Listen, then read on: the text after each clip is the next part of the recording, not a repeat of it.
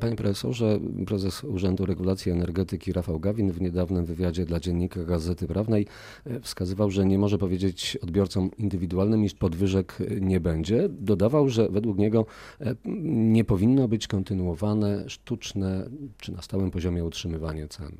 E, mowa o przyszłym roku. No przyszły rok jest pewną niewiadomą. To trzeba na dzień dzisiejszy na pewno powiedzieć, dlatego że y, nawet jeżeli byśmy popatrzyli na powiedzmy przyrosty cen, czy wzrost cen powiedzmy, który by zaskutkował załóżmy w przyszłym roku, no to te, te jednak te, te wzrosty cen powinny być bardzo pod, pod jakimś bardzo rygorystycznym nadzorem, bo, bo zwróćmy uwagę na to, jaka jest też możliwość społeczeństwa udźwignięcia właśnie akurat tego mm, wzrostu e, tych cen.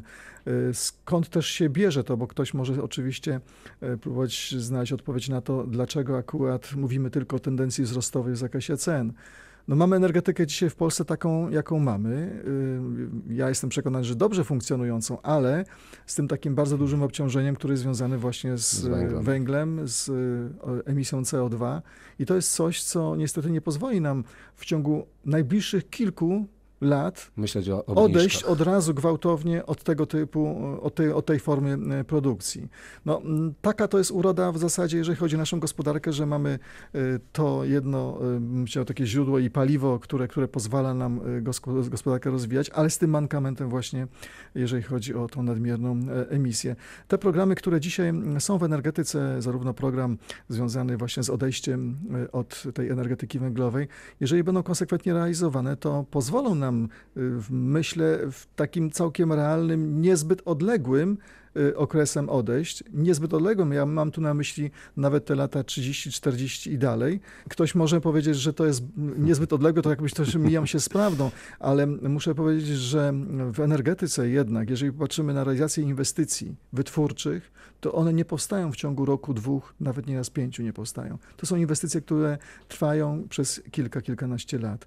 No oczywiście, my dzisiaj biorąc pod uwagę nowe technologie, jesteśmy na pewno w stanie znacząco skrócić ten okres czasu. Ale do tego też potrzeba środków finansowych z kolei. Jasne. 25 i 6 września we Wrocławiu kongres energetyczny, piąta jego odsłona. Wizja energetyki przyszłości, między innymi taki panel. Pan profesor będzie w nim uczestniczył. Mnóstwo zaproszonych gości, pani Monika. Mnóstwo zaproszonych gości. Myślę, że tematyka, która elektryzuje i będzie elektryzowała nomen, opinię omen. publiczną, nomen omen w najbliższym czasie. Ja w nawiązaniu do tego, co powiedział pan profesor, y, ustawa o rekompensatach jest y, jednym z mechanizmów, którymi e, rząd teraz stara się załagodzić y, skutki podwyżek i jest istotnym elementem transformacji energetycznej, która jest nieuchronna i która, która, którą musimy przejść.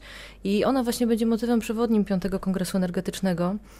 Y, będziemy się zastanawiać nad tym, jak przeprowadzić ją w najbardziej taki akceptowalny społecznie sposób. Y, jak zrekompensować odbiorcom i zarówno dużych przedsiębiorstw i, i, i odbiorcom indywidualnym y, ten wzrost kosztów energii, no, które wynikają jakby z postanowień paryskich, z polityki klimatycznej, z inwestycji w nowe technologie, innowacje, no to są rzeczy może niewygodne, ale niestety takie, które, z którymi musimy sobie poradzić i na pewno ta transformacja energetyczna będzie jednym z, z, wielu, z wielu tematów na kongresie, na który już teraz serdecznie Państwa zapraszam. Zapraszamy Panie Profesorze.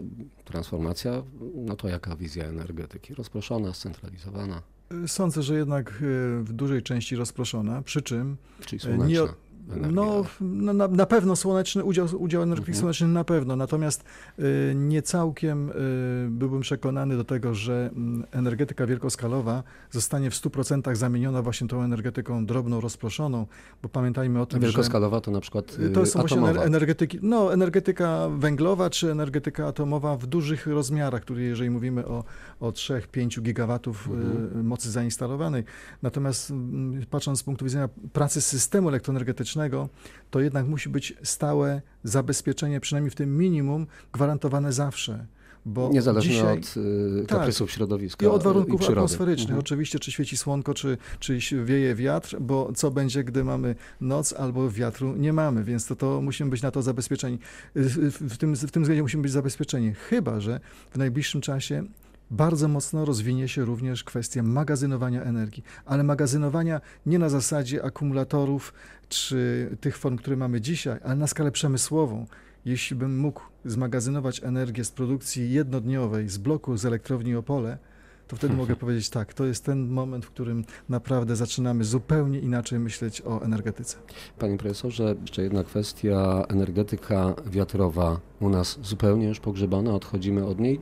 Bo taki jakby odwrót czuć. Myślę, że myślę, że nie do końca. Owszem, to co mamy, to mamy, to, to, jest, to, to, to pracuje i to jest. E, ostatnio zdaje się Lotus myśli tak, o tak, budowie na tak, wielkiej farmy na Bałtyku. Myślę, że w najbliższym czasie z pewnością no, będzie również ta, ta już taka bardzo praktyczna przymiarka do budowy offshore'u, czyli w zasadzie wyprowadzania e, farm wiatrowych na morze, czyli tutaj w tej tak. naszej linii brzegowej e, te 2 gigawaty, 2,5 gigawata, to jest moc, która tam jest możliwa możliwe do zainstalowania. W związku z tym, gdyby to powstało, no to musimy wziąć pod uwagę również i to, że, że to pociąga za sobą inwestycje w rozbudowę sieci y, tej podstawowej, szkieletowej, sieci przesyłowej, która przetransportuje z kolei tą energię z północy Polski, gdzie nie ma tego przemysłu tak rozwiniętego, jak tutaj właśnie na południu czy na południowym zachodzie Polski.